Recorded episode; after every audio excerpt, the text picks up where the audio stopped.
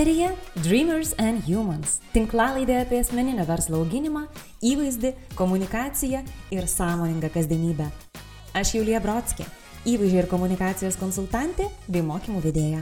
Esu tam, kad įkvėpčiau dalintis geriausiu, ką turite, o prekės ženklus kurti su žemėlapiu rankoje.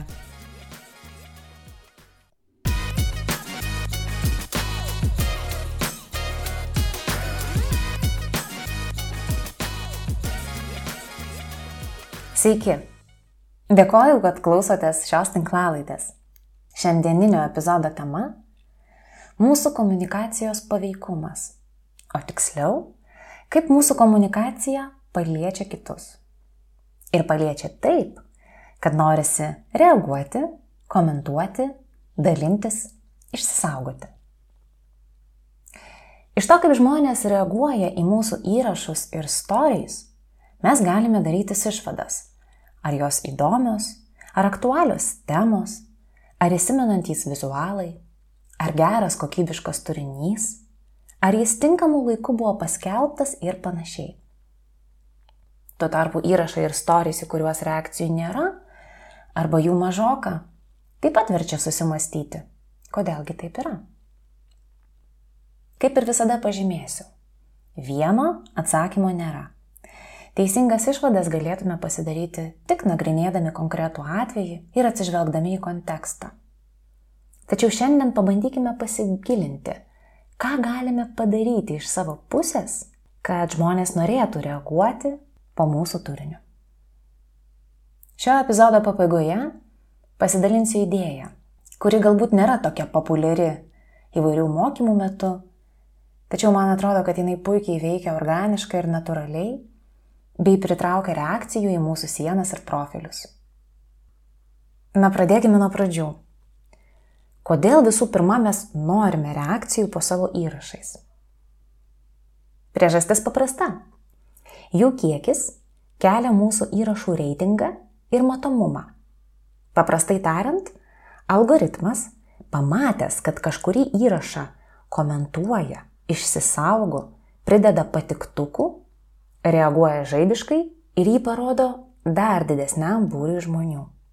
Na ir čia prasideda sniego gniuštės efektas, todėl kad įrašas tokiu būdu tik tai dar labiau populiarėja. Kokie yra reagavimo būdai pagal reitingą?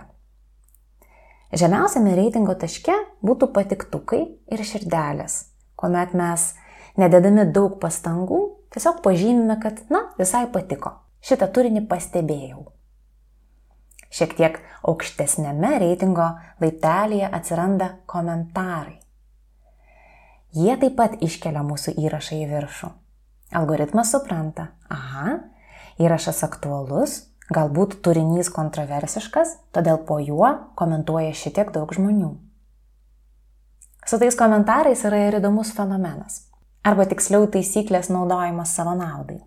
Tikiu, kad nemažai daliai klausytojų yra tekę matyti internete tokį atvejį, kuomet žmogus įdeda skelbimą, jog parduoda kokį nors daiktą ir nenurodo jo kainos. Tokiu atveju visi žmonės yra priversti rašyti į komentarus. Kaina, klaustukas. Kokia kaina, klaustukas. Parašykite kainą, šauktukas. Gal ko tokiu atveju siekia tokio įrašo autorius? Jisai nori, kad toks įrašas būtų kaip įmanoma geriau reitinguojamas ir specialiai neįrašo kainos. Jokių būdų nesiūlau jums taip daryti. Noriu akcentuoti, kad kai kurie iš mūsų tiesiog dirbtinai bandome pasikelti reakcijų kiekius, reitinguoti savo įrašus geriau ir aukščiau. Tuo tarpu, be jokios abejonės, aš visada kviečiu tų reakcijų susilaukti kaip įmanoma natūraliai, be papildomų manipulacijų. Darant aukštesnio reitingo laiptelio yra išsisaugojimo funkcija, kuomet e, Instagram arba Facebook įrašą mes turime galimybę pažymėti vėliavėlę ir išsisaugoti prie savo išsaugotų įrašų.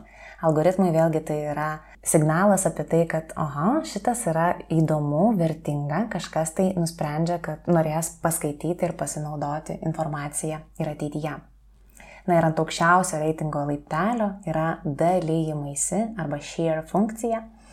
Nepaslaptis, kad tokiu būdu įrašas organiškai natūraliai plinta virtualioje bendruomenėje ir jį pamato dar didesnis kiekis žmonių, o tuo pačiu ir reaguoja į įrašus. Žinoma, tam, kad pasiektumėm tokio lygio, kad mūsų įrašų norėtų dalintis kiti žmonės, natūralu, kad turime labai labai smarkiai prisibelsti iki to žmogaus emocijų, sukelti jam norą būtinai, būtinai paskleisti šitą žinutę ir plačiau. Kodėlgi mes norime, kad žmonės daugiau komentuotų po mūsų įrašais? Kaip ir minėjau, tai yra aktualu algoritmams, tačiau yra ir kitos kelios priežastys, kuris yra dar vertingesnės geriems komunikacijos specialistams. Viena, būtent komentarų dėka ir kiti mūsų sekėjai, auditorija mato, kad mhm, čia kažkoks įrašas, po kurio labai daug prikomentuota. Vadinasi, tema yra aktuali ir tokiu būdu jaučiuosi papildomai motivuotas peržiūrėti šį video arba perskaityti visą ilgą tekstą. Taip pat tokiu būdu yra galimybė mėgsti dialogą su auditorija. Tokiu būdu ji jaučiasi išgirsta ir svarbi. Kitaip tariant, auditorija pradeda jaustis ir jūsų komunikacijos dalimi, o ne tik tai žiūrovo, klausytojo, stebėtojo pozicijoje. Dar vienas svarbus aspektas - tokiu būdu mes suteikiame erdvę pasisakyti kitiems, išreikšti savo nuomonę, galų gale išgirsti, pamatyti skirtingus matymo, mąstymo kampus. Ir iš to dažnu atveju mums kyla naujos idėjos ir mūsų komunikacijos įrašams ir galų gale turime galimybę pamatyti, ką galvoja, kuo gyvena, kaip masto mūsų bendruomenė su kuria juk mes kiekvieną kartą ir bendraujame ir stengiamės juose sužadinti tam tikrus jausmus, kurdami jiems įrašus ir turinį. Teisingai.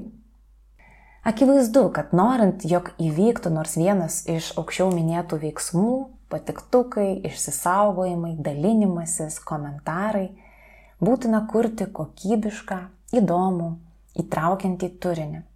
Noriu priminti, kad komunikacija tai ne tik žinios ir įrankiai. Tai ištisas procesas.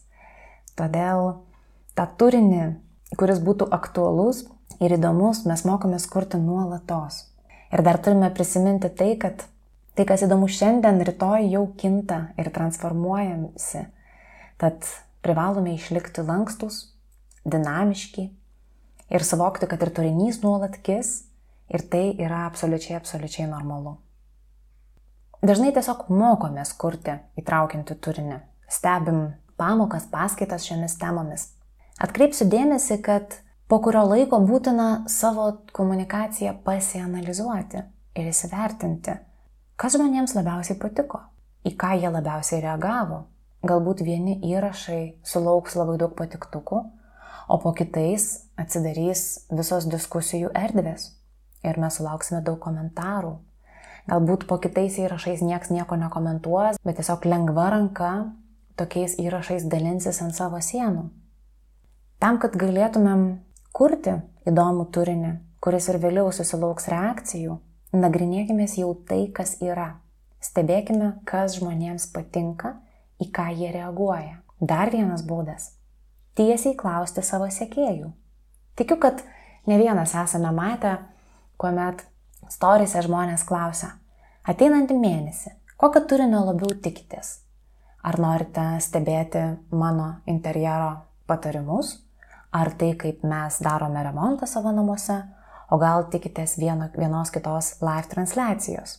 Tokiu būdu suteikiamas žodis auditorijai. Jis gali savo balsais nulemti, kokios informacijos, kokio turinio profilyje bus daugiau. Ir tai yra taip pat puikus būdas kuriuo žinoma jaučiu nepersistengti, todėl kad jeigu labai dažnai imsim klausti savo auditorijos, tai ko jie nori ir ko jie tikisi, jai gali pradėti atrodyti, kad jūs patys nežinote, apie ką norite kalbėti ir kas jums patiems įdomu. Beje, medijose sklando tokia taisyklė, kai kurių specialistų dar įvardyjama algomitu, kad įdėjus įrašą į per pirmasias 20-30 minučių jis turėtų susilaukti kuo daugiau dėmesio. Na, todėl skatinama jį įkelti tinkamu laiku, kai daugiausia žmonių būna online ir plus iškart reaguoti į komentarus. Kitaip tariant, jeigu kažkas pakomentavo, iš karto įdedate atsakymą atgal. Aš skatinčiau į komentarus reaguoti, padėkoti už nuomonę, paantrinti, pasiginčyti su komentatoriumi ne dėl algoritmų ir įrašo populiarumo, o dėl elementaraus siekio mėgsti dialogą, kontaktą, stiprinti santyki. Galų gale tiesiog nuoširdžiai domėtis savo sekėjais, o nebukai ieškoti pop sprendimų. Aš esu įsitikinusi, kad ilgalaikėje perspektyvoje toks bendravimas su savo sekėjais turės žymiai daugiau naudos negu algoritmų vaikymasis. Na, o dabar svarbi dalis, kurią minėjau įrašo pradžioje, apie mano idėją, kaip galima susilaukti komentarų, reakcijų į mūsų įrašus. Kai žmonės man sako, kad man atrodo, kad kažkaip nereaguoja po mano įrašais niekas, nekomentuoja, nesidalina jais, aš visą laiką jų klausiu, o kiek jūs patys tai darote? Ir patikėkite manimi, didžioji dauguma žmonių prisipažįsta, kad aš tai neturiu tam laiko. Aš tiesiog ateinu, įkeliu savo įrašą ir išeinu. Man nėra kada reaguoti po kitų įrašais man nėra kada rašyti atsakymų į jų klausimus po jų tekstais. Bet kaip mes galime tikėtis, kad po mūsų įrašais kažkas kitas komentuos arba į mūsų storijas kažkas reaguos, jeigu mes patys nerandame tam laiko? Ar teko girdėti tokį pasakymą, kaip šauksi, taip atsilieps? Aš sutinku, kad mes visi esame labai užimti ir iš tikrųjų medijose norisi praleisti laiką efektyviai. Todėl kviečiu atlikti tokį eksperimentą. Skirti maksimum 10 minučių per dieną. Tai yra įsijungus žadintuvą, laikmatį, kad neperliptumėm šitos ribos. Ir per tas 10 minučių užeiti į vieną kitą savo sekamą profilį ir pasižiūrėti, apie ką yra kalbama ir galbūt po vienu kitu įrašu pakomentuoti pažymėti širdelę. O taip pat apsilankyti stories sekcijoje. Bent jau sureaguoti, naudojant kokį nors patiktuką arba nusinčiant vieną kitą reakciją širdelę, kad žmogus suprastų, kad o, čia kelia kažkam tai emocijas, čia kažkam aktualu. Lygiai taip pat per tą laiką užeiti į vieną kitą Facebook grupę, kurioje yra mūsų bendruomenės žmonės kurie yra susirinkę dėl to, kad jiems taip pat įdomus būtent mūsų temų spektras ir pasižiūrėti, galbūt galime ir ten po vienu kitų įrašų pakomentuoti. Galbūt kažkas kaip tik prašo patarimo, teiraujasi nuomonės, prašo pabalsuoti ir mes galėtumėm imti ir sureaguoti į tokį įrašą, pakomentuoti savo vardu. Ką tai duoda? Tai duoda ne tik tai mūsų prekės ženklo arba asmens matomumą, žinomumą ir išviešinimą į šiek tiek kitas erdves negu tos komforto zonos, kuriuose mes jau veikiame. Tačiau tokiu pat būdu tai paskatina tam tikrus energetinius mainus. Žmonės ir pas mus grįž ir į mūsų įrašus taip pat reaguos. Šį kartą nekalbėsime apie turinio kūrimo principus ir tikrai stiprų, paveikų, aktualų turinį, Tačiau aš labai labai tikiuosi šią temą užkabinti kitoje tinklalaidėje. Joje turėsime ypatingą svečią, tinklaraštininkę pusryčiams, kurią tikiuosi pakamantinėti ir paklausinėti, kaip jai pavyksta kurti įdomų, įvairų, skanų turinį, į kurį žmonės su mielu noru reaguoja ir kuris, man atrodo, labai labai gražiai ir harmoningai vystosi jos profilyje. Taigi panagrinėsime tokį labai realų ir konkretų atvejį, pasižiūrėsime, ką mes galime visi išmokti iš Gabrielėms, iš pusryčių projekto. O kol kas visiems linkiu kuo didžiausios sėkmės, linkiu reakcijų, komentarų ir svarbiausia, darnios, įdomios, visapusiškos komunikacijos. Iki.